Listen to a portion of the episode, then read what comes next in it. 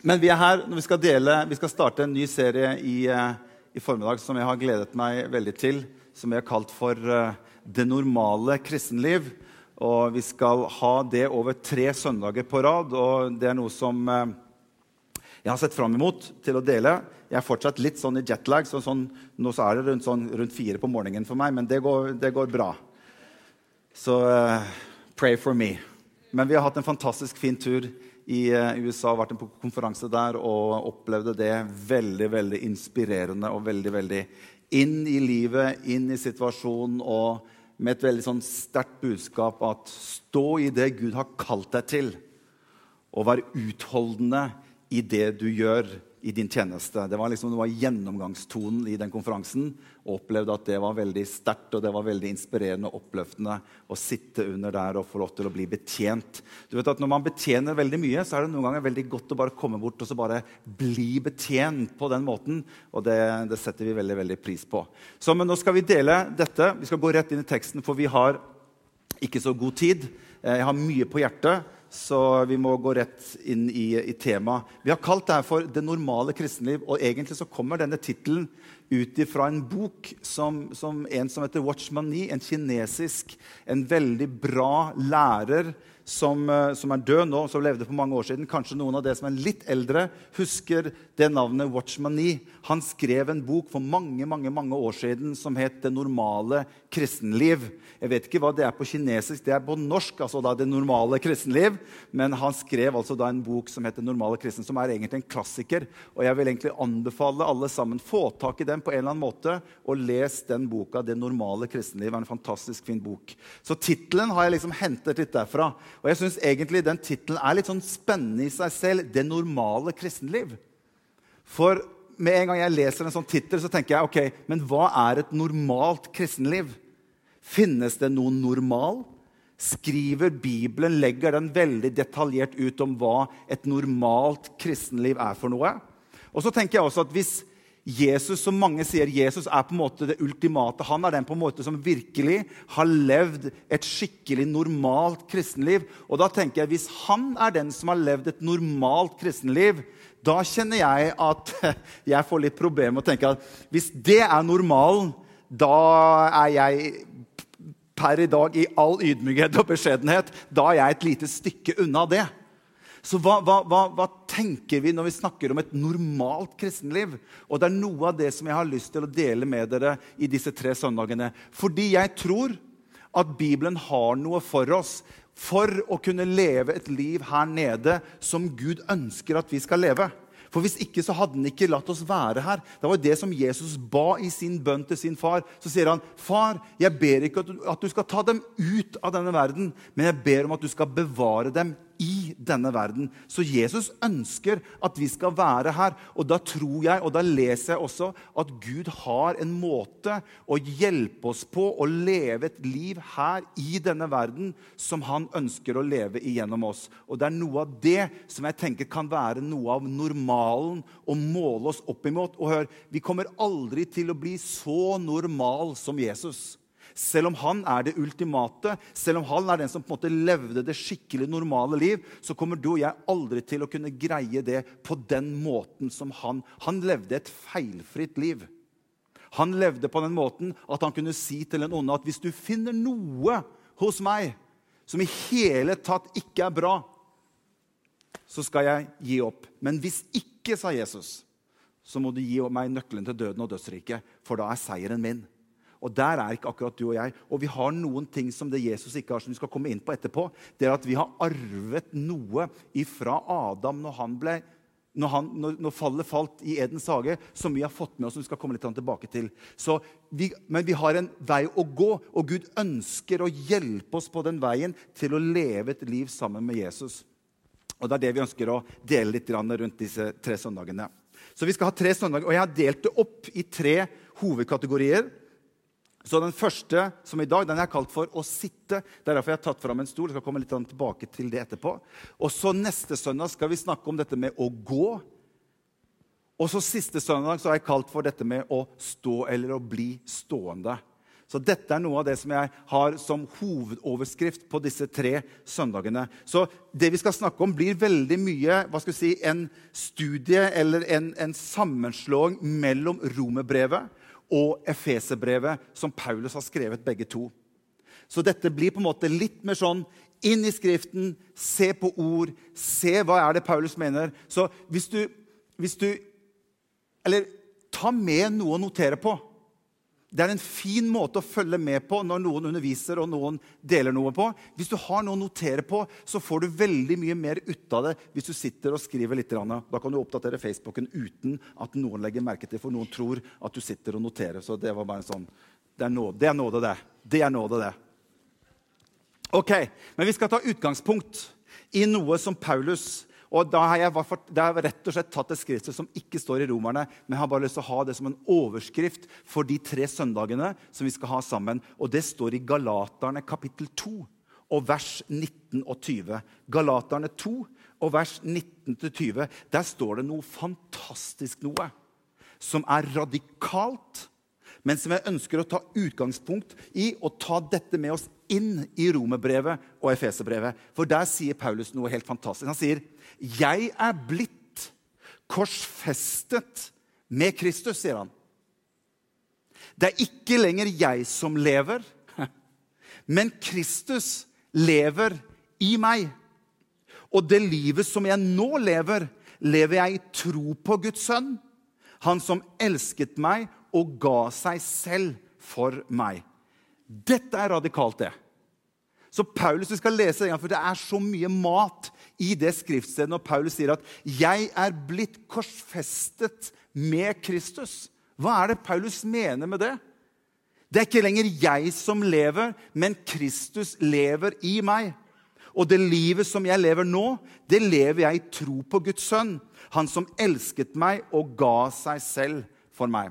Jeg liker å lese noen andre oversettelser, så jeg plukket opp noen andre og så har jeg bare oversatt de til norsk for å få litt andre ord på det. Se skriftstedet fra noen andre sider. Så i den engelske message-oversettelsen så, så står det på denne måten her Jeg er faktisk blitt korsfestet med Kristus. Egoet mitt er ikke lenger sentralt. Det er ikke lenger viktig at jeg fremstår rettferdig foran deg eller har din gode mening. Og jeg er ikke lenger drevet til å imponere Gud. Bare jeg syns det er fantastisk. Kristus bor i meg. Livet du ser meg leve, det er ikke mitt. Men det leves ved troen på Guds sønn, som elsket meg og ga seg selv for meg. Fantastisk. Og så så jeg bare hva som står i Passion-oversettelsen. Message og Passion er veldig gode oversettelser hvis du vil ha litt annen, annen, måte å se eller lese Skriften på. Så er både Message og Passion, og også nå den nye hverdagsbibelen. Er det noen som har fått tak i den nye hverdagsbibelen? Få se. Ja, det er noen få hender. Denne bibelen her kan du gå inn på Jeg er ikke sponsa, men du, du kan gå inn på hermon.no forlag og kjøpe den bibelen her. Det er veldig ålreit å lese i for å få noen annen måte å se skriftstedet på. Se hva som står i persen. Der står det 'Min gamle identitet er blitt korsfestet med Messias' og lever ikke lenger. For naglene på korset hans korsfestet meg med han. Det er bra. Og nå er ikke kjernen i dette nye livet lenger mitt. For den salvede lever gjennom meg. Vi lever i forening som én. Mitt nye liv styrkes av troen på Guds sønn, som elsker meg så mye at han ga seg selv for meg og deler sitt liv i mitt. Det er bra. Fantastisk. Dette her er radikalt, og dette her er voldsomt. Men Vi skal se litt på hva er det egentlig Paulus skriver for noe i dette. For dette kommer til å være som en litt sånn gjennomgangstone. Derfor syns jeg egentlig at Paulus han oppsummerer det egentlig veldig greit. Han sier det at 'jeg lever ikke lenger selv, men Kristus lever i meg'. Og jeg tenker Det skal være utgangspunktet for disse tre søndagene. Og så kommer du og jeg til å kunne kjenne på hvor er jeg hen i forhold til dette. Og det er noe av det jeg ønsker å dele litt med dere i formiddag. For jeg tror at uansett så kan du og jeg føle ja, men det her det, det kommer jeg aldri til å greie. Nei, dette her kommer jeg aldri til å få til. Det her er for radikalt for mitt liv eller for meg. Jeg kommer aldri til å få til at jeg ikke lever lenger selv. Nei, vet du hva? Du og jeg kommer aldri til å få det til. Det er derfor vi trenger Jesus. Og det virker som meg, Når Paulus begynner å skrive romerbrevet, så virker det som at han er utrolig opptatt med å fortelle deg og meg vet du hva, at du og jeg vi hadde ingen sjans i oss selv. Så det Jesus, Gud, gjør, det er at han tar bort deg og meg helt, og så plasserer han Jesus inn i vårt sted, og så gjør han det i stedet for oss. Og det er selve utgangspunktet for å leve et kristent liv. Det er at du og jeg greier å skjønne at det dreier seg ikke om deg og meg. Det dreier seg ikke om hva du og jeg kan få til, men det dreier seg om hva Jesus har fått til på vegne av deg og meg. Du og jeg greier aldri å leve et normalt kristenliv hvis du og jeg prøver å få det til i egen kraft, men kun ved å leve gjennom det som Jesus har gjort for deg og meg. Det er eneste mulighet.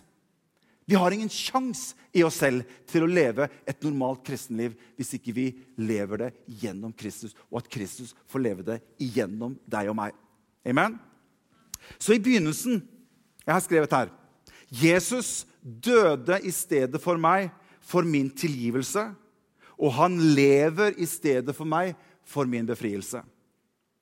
Jeg kommer til å ha noen sånne dype sånne utsagn som dere kan, dere kan, legge det på Twitter eller kan gjøre hva som helst, men det er, det er veldig gode, fine sånne Jesus døde for min tilgivelse, men Jesus sto opp, og han lever i dag for min befrielse.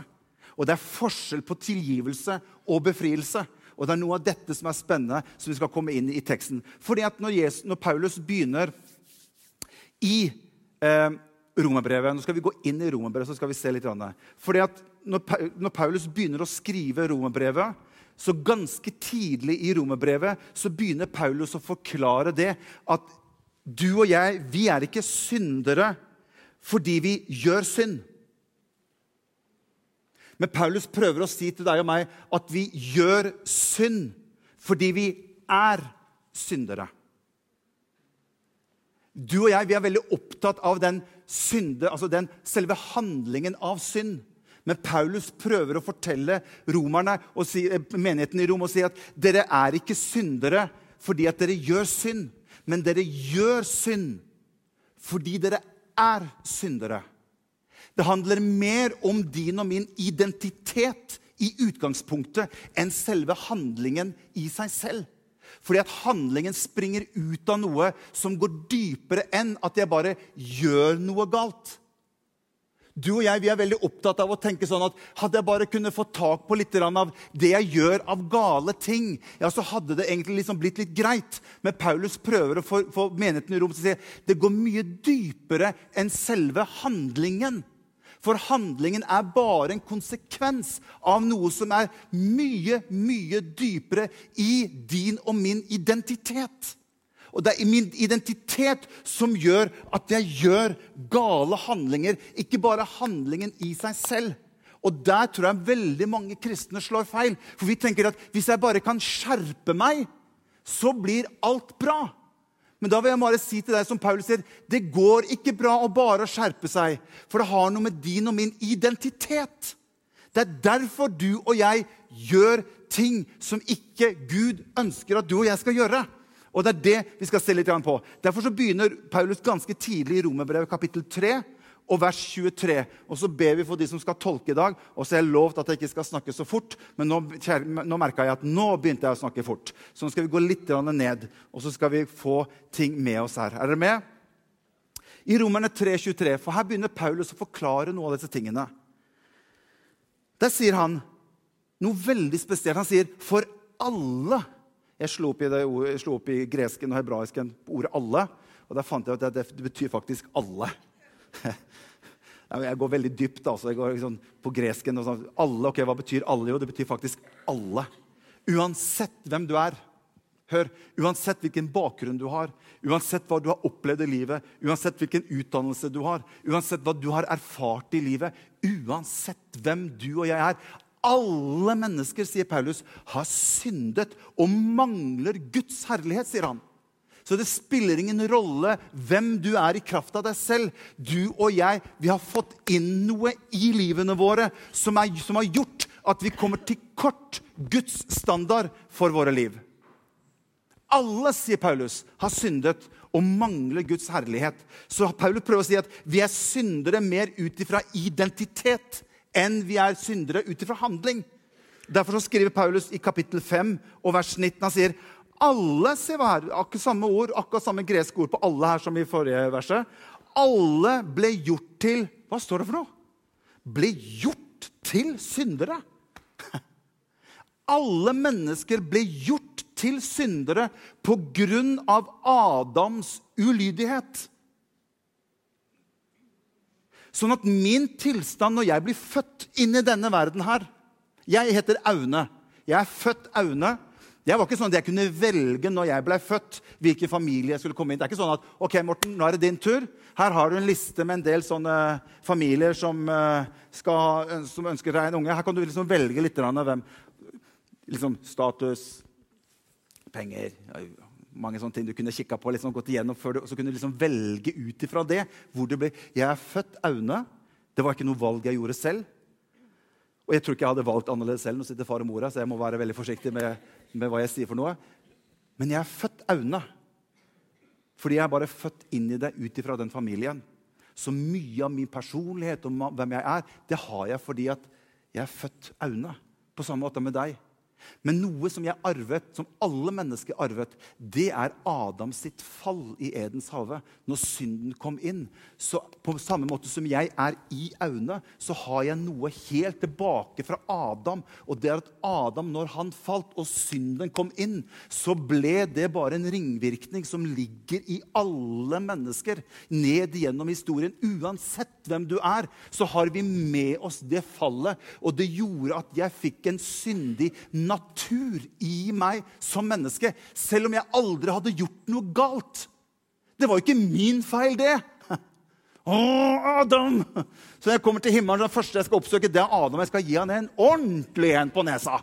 Han skal få kjenne og få høre hva problemet han satte i gang når han måtte da absolutt spise av det der eplet i Edens hage som gjorde at det fikk en konsekvens for alle mennesker. Og Paulus sier at alle ble gjort til syndere pga. Adams ulydighet.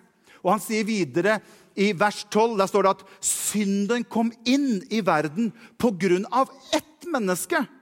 Og med synden kom døden, og slik rammet døden alle mennesker fordi alle syndet. Ja, men jeg hadde ikke gjort noe galt. Jeg har ikke valgt dette her. Nei, ingen av oss har valgt det. Det kom som en konsekvens av at Adam falt. Og når jeg ble født inni denne verden, så arvet jeg noe av den, det fallet som skjedde med Adam. Det kom inn i livet mitt. Og det gjør at jeg som menneske har noe i min natur som ønsker å gjøre gale ting, selv om jeg egentlig ikke ønsker å gjøre det. Jeg har en dragning mot ting som er galt, selv om jeg egentlig kanskje ikke ønsker å gjøre det. Jeg vet ikke om noen av dere har kjent det, men jeg har jo kjent det. Paulus snakker om det gode som jeg vil gjøre. Nei, det gjør jeg ikke. Men det onde som jeg ikke vil gjøre, hvorfor driver jeg egentlig og, og, og har en sånn, en sånn dragning mot det? Jo, det har med min natur har ikke bare med at jeg har gjort galt, men det har noe det stikker mye dypere. Det har med min identitet å gjøre. Hvis du overfører det til et annet bilde, så kan vi bruke det som har med å spise å gjøre, og være sulten. Det er liksom kanskje mer sånn kjent meg, sånn, Det er noen her som liker mat og spise, som kjenner at jeg blir sulten. Hvis vi, gjorde, hvis vi sa som så at det å spise er galt, det å spise er synd Så når jeg spiser, så synder jeg. Det, bare, det her er bare en metafor. ikke sant? Når jeg spiser, så gjør jeg synd. Men hør. Hvorfor spiser jeg? Jo, jeg spiser fordi jeg har noe på innsiden som, som, som er som en trang. Jeg blir sulten. Så det er jo sulten på innsiden av meg som gjør at jeg ønsker å spise. Og det er det Paulus prøver å forklare her. At det er ikke bare det å spise som er galt i seg. Nei, du spiser fordi at det finnes noe på innsiden av deg som gjør at du ønsker å spise. Du er sulten, rett og slett. Og alt folket sa Det var et voldsomt navn. Alt folket sa Kom igjen! Amen. Vi er sultne, alle mann. Det er ikke noe galt å være sulten. Altså. Han passer Morten mener at det er synd å være sulten. Det er det ikke. Men det er bare for å vise deg eksempelet, forskjellen på synden, som er en del av min natur, og det å gjøre gale handlinger. Derfor ønsker Paulus i starten av romerbrevet å få mennesket til å skjønne det at hvorfor du trekkes imot noe av de tingene. Det har noe med den syndenaturen som du og jeg fikk. Alle mennesker fikk det. Det er det, det er det, Paulus begynner med i romerbrevet. Så når synden kom inn, så slo synden ut på tre forskjellige hovedområder. Synden slo ut overfor Gud. Synden slo inn overfor meg. Og synden slo inn overfor min anklager eller den onde. Det kom en avstand mellom meg og Gud, fordi at Gud og synd går ikke sammen i utgangspunktet. Gud kan ikke ha noe med synd å gjøre.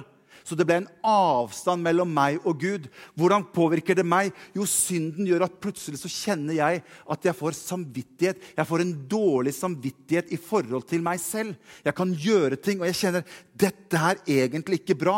Enda så har jeg en trang til å gjøre det. Hva er dette her for noe?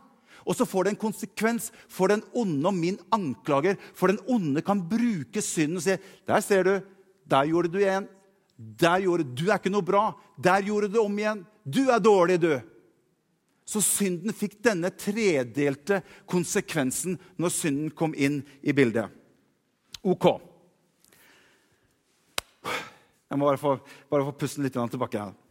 Eh, så de, de, åtte første kapitlene i Romerne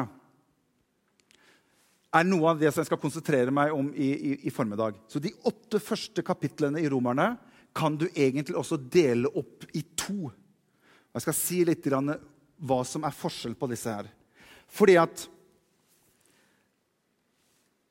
ordet 'synder' kommer veldig tidlig inn i romerne. Paulus bruker ordet 'synder' som et verb, som en handling jeg gjør, i den første delen av romerbrevet.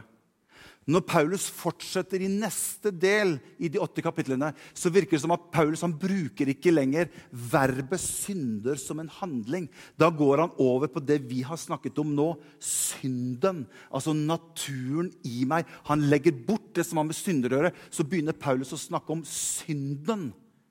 Han snakker om synden som så lett henger seg fast ved oss. Han, snakker om synden som, nesten som et subjekt, som et bakenforliggende kraft som påvirker deg og meg til å gjøre syndige handlinger, som er i den første delen av romerbrevet. Må, nå, må dere følge med, for dette her er sånn, det, nå begynner vi å litt sånn, dukke litt dypere. Merker dere det? At vi går litt dypere nå? Henger dere med? Ja, dere er her? Ja, det er bra. Ok, så dette er det Watchman 9, Når du leser boken hans, så kaller Watchman 9 dette for den troendes dobbeltproblem eller den troendes dobbeltutfordring. For han sier at vi som troende vi har en utfordring med at vi gjør gale ting. Men det er bare den ene siden av problemet vårt. Den andre problemet vårt er at vi har denne naturen i oss som ønsker, vi, som ønsker å gjøre gale ting. Altså det, Vi blir sultne om igjen. Selv om jeg spiser nå og jeg blir mett, så kjenner jeg bare at det bare går en liten stund. For meg så går det ti minutter, så må jeg inn i kjøleskapet igjen. Og så må jeg jo eh, finne et eller annet. Er det ikke et eller annet her hjemme så vi kan liksom eh, Der er det ingen som kjenner seg igjen. Det er bare jeg som gjør det. Utrolig, altså. Jeg sier når jeg åpner kjøleskapet Nei, er du her igjen, Morten? Skulle sånn hatt en sånn høyttaler som sto bare inni kjøleskapet. Nei, men er du her igjen, da, Morten? Da svarer jeg bare til ja, det er jeg. Har du noe å tilby? Hadde jeg bare sagt da. Men den sulten, og det er dette som er dobbeltproblemet til den troende hva er Guds løsning for deg og meg? Finnes det noen løsning for deg og meg? Og da er svaret fra Paulus ja! Det finnes en løsning for deg og meg. Og det er det han begynner med når han begynner å skrive i første del av Romerne. For der snakker han om synder som en handling, og så bringer Paulus inn en løsning for våre synder. Og det er det som kalles for Jesu blod. Løsningen for mine synder, det er Jesu blod. Og Derfor så står det så fantastisk i Romerbrevet 5,9. Så I første del av Romerne så snakker Paulus om at Jesu blod det blir gitt for tilgivelse for min synd. Altså det gale jeg har gjort. Denne blodet er mer reflektert mot mine handlinger, altså synden som jeg har i livet mitt. Det er der Jesu blod kommer inn. Og da skriver han fantastisk, sier han, Hvor mye mer skal vi da? Når vi nå er blitt rettferdiggjort ved hans blod, ved han bli frelst fra verden. Så blodet, hør, blodet er i første omgang for Guds del. Blodet kommer inn og gjenoppretter kontakten med Gud. Blodet har alltid i første omgang vært for Guds sin del. I den gamle pakt i Egypt hva står det? Dere skal ta blodet og så skal dere stryke det på innsiden av dørstolpene. Hva står Det Det står at dere skal stryke det på utsiden. For når jeg ser blodet fra utsiden, så vil jeg gå forbi. Så blodet som Jesus renser meg med, er i første omgang for Guds sin del. Ok? Så gå videre. Se, hva, hva, her har jeg hentet et vers som kommer fra 1. Peter brev, kapittel 1, vers 18. For dere vet at det ikke var med forgjengelige ting som sølv eller gull dere ble frikjøpt fra det tomme livet dere. Hva står det for noe? Dere arvet, ja. Så vi har arvet et tomt liv helt tilbake til Adam men med det dyrebare Kristi blod, som av et lam uten lyte og uten flekk. Så blodet har også tre virkefelt. Det virker først og fremst for Gud. Og så virker blodet for min del, og så virker det for motstanderen min, den onde. Så når blodet kommer inn i mitt liv, så har det en effekt mot at jeg blir renset ren, så jeg kan stå innenfor Gud, og jeg blir tilregnet ren innenfor Han. Og jeg har også fått blodet slik at det kan hjelpe meg i mitt liv, i mine tanker, i mitt sinn, i mine følelser. For hør, mange kristne er født på ny, men sliter fortsatt med at de greier ikke å føle seg rettferdig. De greier ikke å føle seg bra nok i sitt sinn, i sine tanker, fordi at det fortsatt går rundt og bærer på dårlig samvittighet. Og Derfor så har blodet også en effekt inn mot det. Se hva som står i, i eh, Hebreerne kapittel 9 og vers 14. Det her syns jeg er bra. Hvor mye mer skal ikke da Kristi blod rense samvittigheten vår? Hvorfor skal det blodet komme inn og rense samvittigheten vår? Ja, Er det ikke hjertet mitt som skal renses? Nei, det måtte en mye dypere operasjon. Han renset ikke hjertet mitt. Vet du hva Malakia sier? Dere skal få et nytt hjerte. Det var ikke bare nok med å rense hjertet. Han sier dere skal få et nytt hjerte. Jeg bytter ut stenhjertet og gir dere et kjøtthjerte. Det er derfor Jesus sier til Nikodemus at uten at du blir født på nytt Så det indre inni meg er fullkomment ren. Den er helt Helt, helt fullkommen. Men så har jeg, et, har jeg, en utfordring med sinnet mitt, med tankene mine, med min samvittighet. Og der kommer blodet inn for å hjelpe deg og meg til å skjønne det. Han renser mitt sinn og mine tanker. Og der står det at hvor mye mer skal ikke da Kristi blod rense samvittigheten vår fra døde gjerninger, står det, så vi kan tjene den levende Gud. Hvis du og jeg, hvis den onde får holde deg og meg tilbake i mitt sinn og mine tanker Du er ikke god nok. Du er ikke bra nok. Da greier jeg heller ikke å tjene Gud. Men jeg kan vite at hans blod renser min samvittighet. Slik at jeg slipper å gå rundt, at ikke den anklageren kan komme inn i mitt liv og anklage meg med min samvittighet. Fantastisk! Så jeg kan tjene Gud. For Kristus har i kraft av en evig ånd båret seg selv frem som et feilfritt offer for Gud. Så jeg bygger ikke livet mitt på følelser. Jeg, bygger, jeg har ikke et liv sammen med Jesus bygget på min samvittighet osv., men jeg bygger livet mitt på hva han har gjort for meg. Og alt folket sa Amen. På hvilket grunnlag så kommer jeg inn for Gud? Jeg må skjønne, I dag føler jeg meg ikke bra. I dag, i går så var jeg litt ute. I går så var det litt sånn, Jeg tenkte en del ting. Jeg gjorde noe som ikke var helt bra. Så jeg, jeg, jeg må holde meg litt for meg selv nå før jeg kan komme inn for Gud. Jeg kommer ikke inn på Gud på grunnlag av mine egne følelser og hva jeg føler i dag, men jeg kommer inn for Gud på hva Han har gjort for meg. Det er det som er utgangspunktet. Og jeg velger å tro at selv om ikke jeg er fullkommen, så er han fullkommen. Selv om jeg føler det dårlig, så har han det bra. Og jeg er i Kristus. Så når jeg kommer fram for Gud, så kan jeg vite at han aksepterer meg akkurat som han er. For han har akseptert meg ikke i meg selv, men han har akseptert meg i Kristus Jesus. Det er der han ser på meg. Så han ser på meg fullkomment ren i hva sønnen hans har gjort for deg og meg. Og så mange kristne går rundt og plages med dette. Man kjenner seg aldri god nok. Man går rundt og bærer på dårlig samvittighet. Dette sier Paulus. Dette må du få med. Dette er starten. Dette er fundamentet for å leve et normalt kristenliv. For Hvis ikke du får dette med deg, så vil du slite i å tjene Gud ut ifra en god samvittighet. Kommer du og jeg til å bli fullkommen? Men hvem er fullkommen da? Jesus.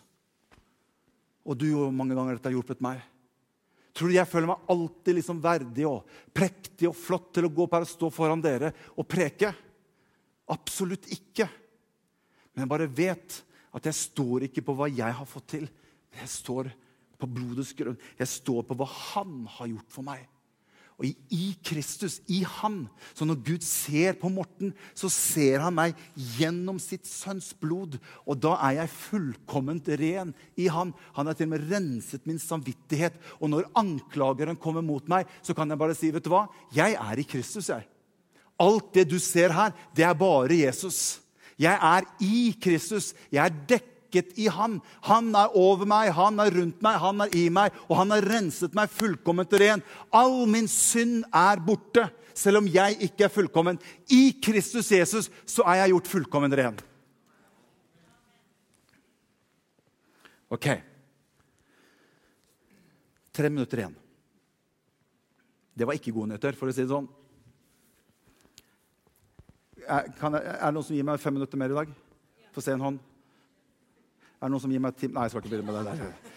Det blir OK. Så hør.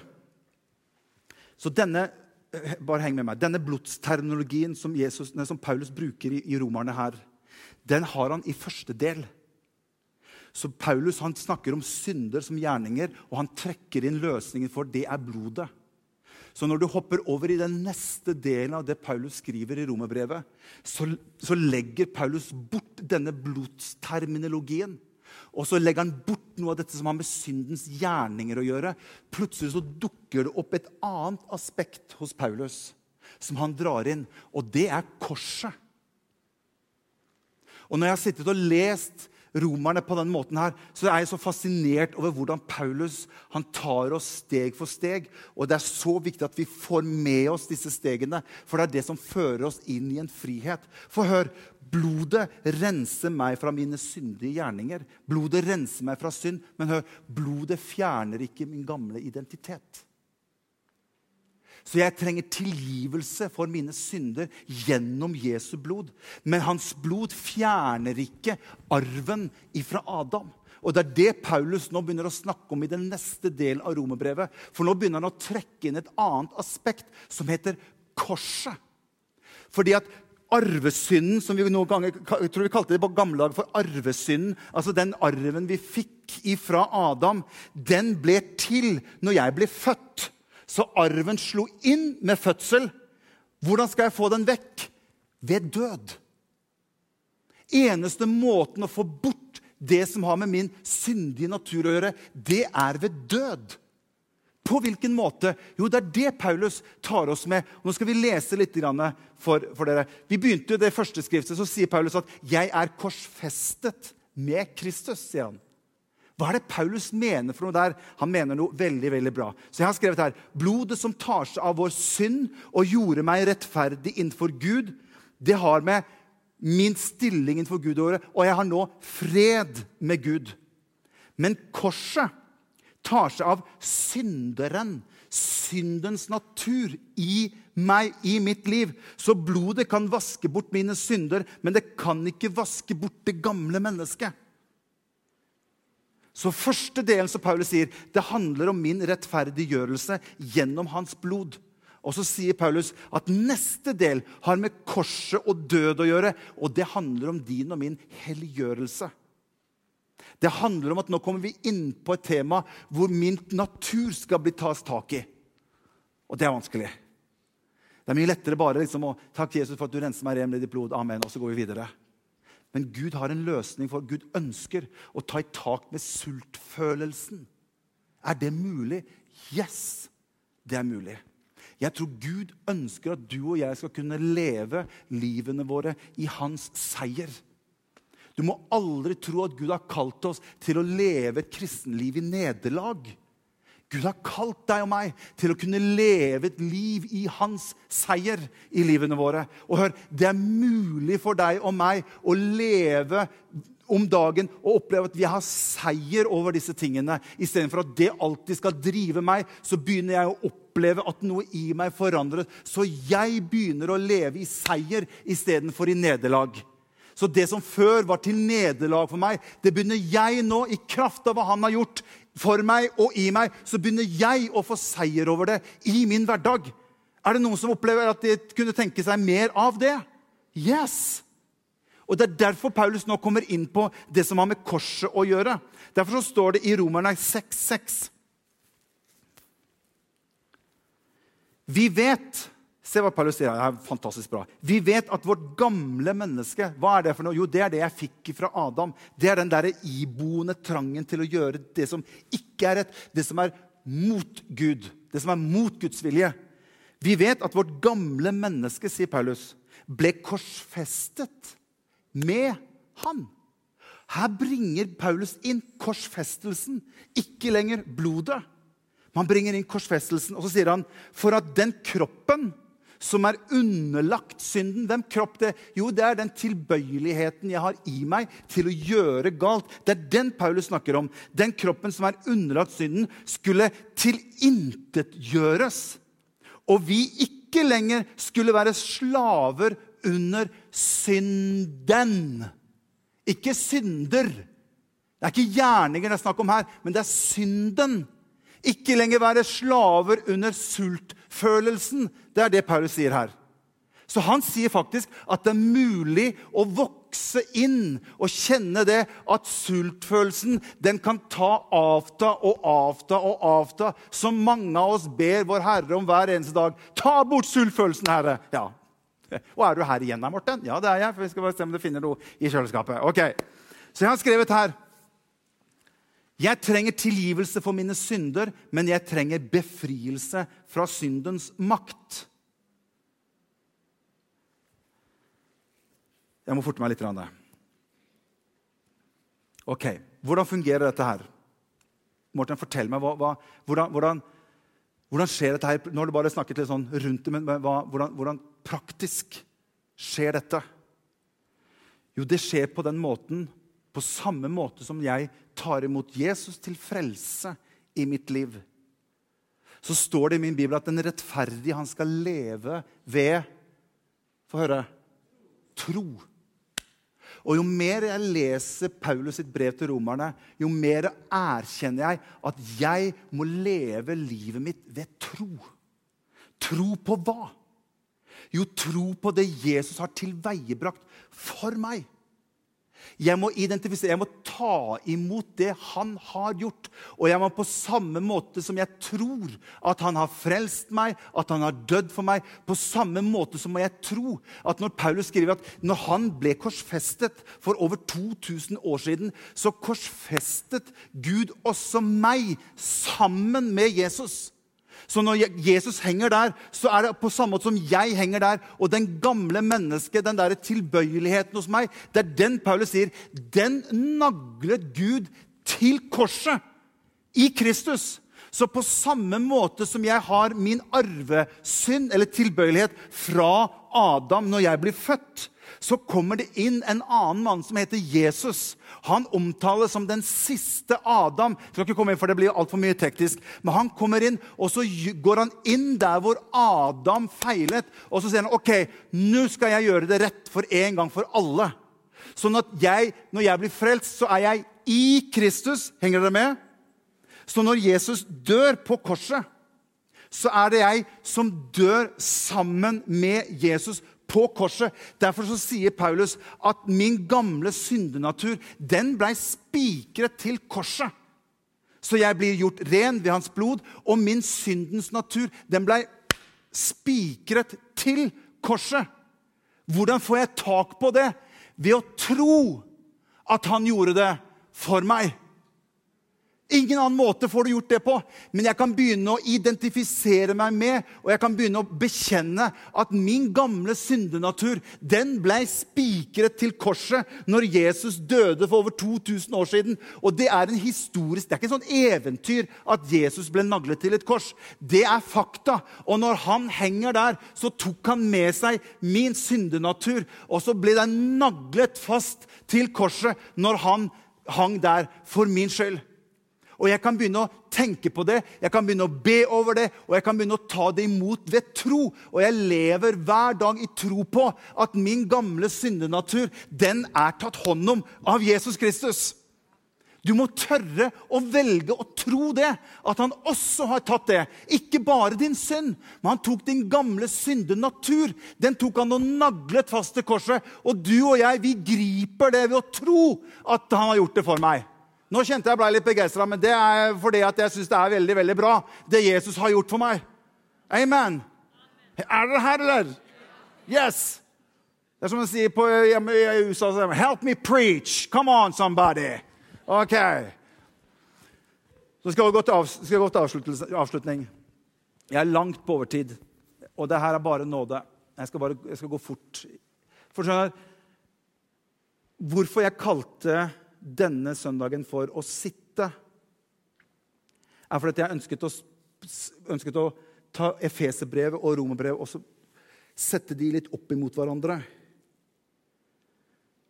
Fordi at når Paulus skriver brevet til efeserne, så begynner Paulus med en klar beskjed til alle sammen.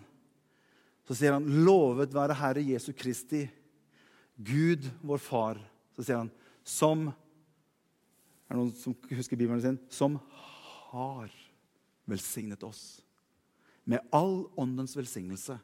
Så Paulus gjør det så klinkende klart, både i romerne og efeserne, at når du og jeg skal begynne å leve vårt liv sammen med Jesus, så handler det ikke om at du og jeg skal gjøre noe, men det handler om hva han har gjort.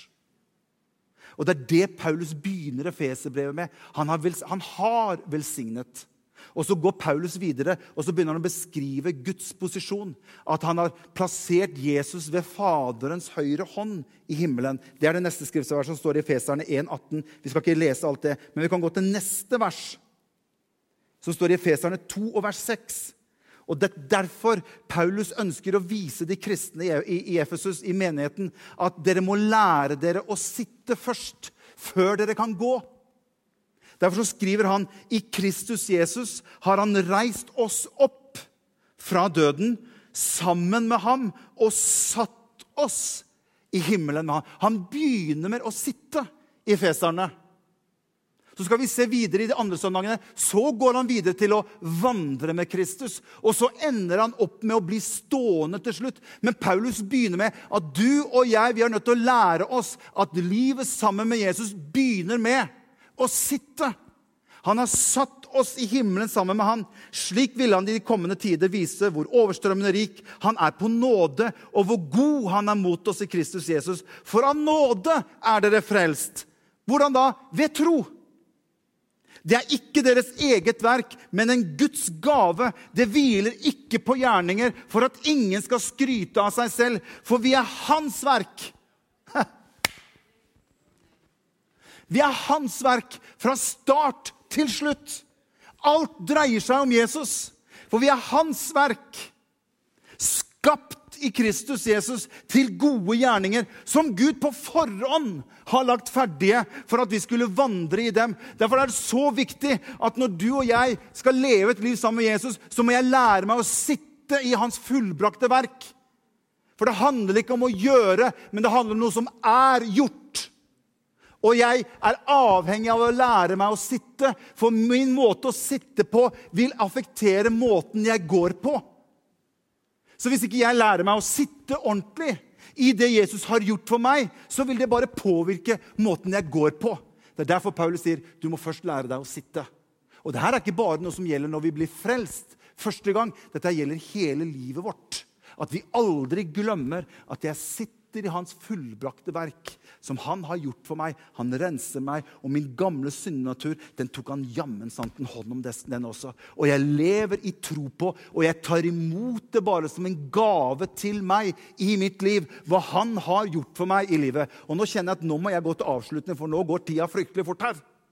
Vi skal reise oss opp alle sammen til slutt, og så skal vi bare lese sammen. Musikerens sanger kan komme opp. Oi, oi, oi, oi. oi. Hemmeligheten for å finne frihet i frelse fra synd er ikke i å gjøre noe, men å hvile i det Gud har gjort for oss. Jeg tror jeg må høre den prekenen her sjøl. Det, dette tror jeg kanskje er ganske bra. Å, kjære Jesus.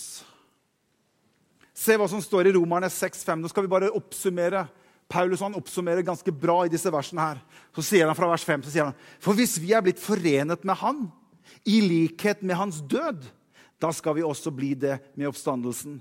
For vi vet dette, at vårt gamle menneske ble korsfestet med han for at syndelegemet skulle bli fratatt sin makt. Vet du hva? Det fins en mulighet i Kristus Jesus at syndelegemet blir fratatt sin makt. Amen! Tro det! Og ta imot det som en gave som tilhører deg og meg i frelsen. Det går an å leve et liv i seier sammen med Jesus. Ikke la oss alltid bare gå rundt og si at ja, synden er så sterk og stor. Den er overvunnet av Jesus Kristus, og han har satt deg og meg i himmelen sammen med han. Og du og jeg kan få lov til å oppleve og erfare at det fins en kraft som oppreiste Jesus ifra de døde. Den bor ved troen i deg og meg i livene våre. Og vi kan få lov til å erfare og leve i seier. Og så står det videre. Nå må jeg ned igjen i tonefall. For vi vet dette, at vårt gamle menneske ble korsfestet med ham for at syndelegemet skulle bli fratatt sin makt, så vi ikke lenger skal være slaver under synden. For den som er død, er rettferdiggjort fra synden. Men døde vi med Kristus, da tror vi at vi også skal leve med Han. Fordi vi vet at etter at Kristus er oppreist fra de døde, så dør han ikke mer. Døden hersker ikke lenger over ham. For den døden han døde, den døde han for synden en gang for alle. Men det livet han lever, det lever han for Gud. Slik skal også dere regne dere som døde for synden, men levende for Gud i Kristus Jesus.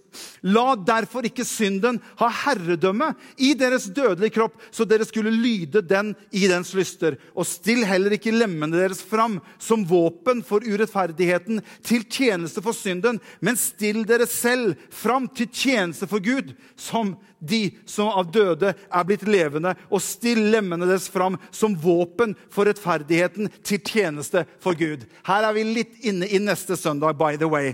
Og så står det til slutt For synden skal ikke herske over dere, siden dere ikke er under loven, men dere er under nåden. Dette er ditt, og dette er mitt, i Jesu fullbrakte verk på korset. Dette kan vi leve i. Dette kan vi bevege oss i og vite at han som er for meg, han er større og sterkere enn han som er mot meg. Om han er for meg, hvem kan da være imot meg? Kan vi ikke bare der vi står, kan ikke vi bare takke litt Jesus? Løft opp din røst, og så bare priser vi Jesus litt. Og takker vi Jesus for hva han har gjort for oss. Takk Jesus for hva han har gjort på korset for deg. Takke ham for at han tok din del. Takk for at han tok den prisen. Han betalte den prisen for ditt liv, for mitt liv. Han ga seg selv som en løsepenge, ikke bare for å ta din synd, men han tok også arvesynden din og naglet den fast, slik at ikke syndene lenger skulle ha noe makt over deg, men du og jeg kan få lov til å oppleve å leve et liv i frihet i Kristus Jesus. Jeg takker deg, Jesus, for hva du har gjort for oss. Takker deg for hva du har gjort for meg, Herre. Takk for at du var villig til å dø for meg. Takk for at du var villig til å gi ditt eget liv og betale prisen for mitt liv. Jeg priser deg. Halleluja. La oss bare prise Jesus litt til.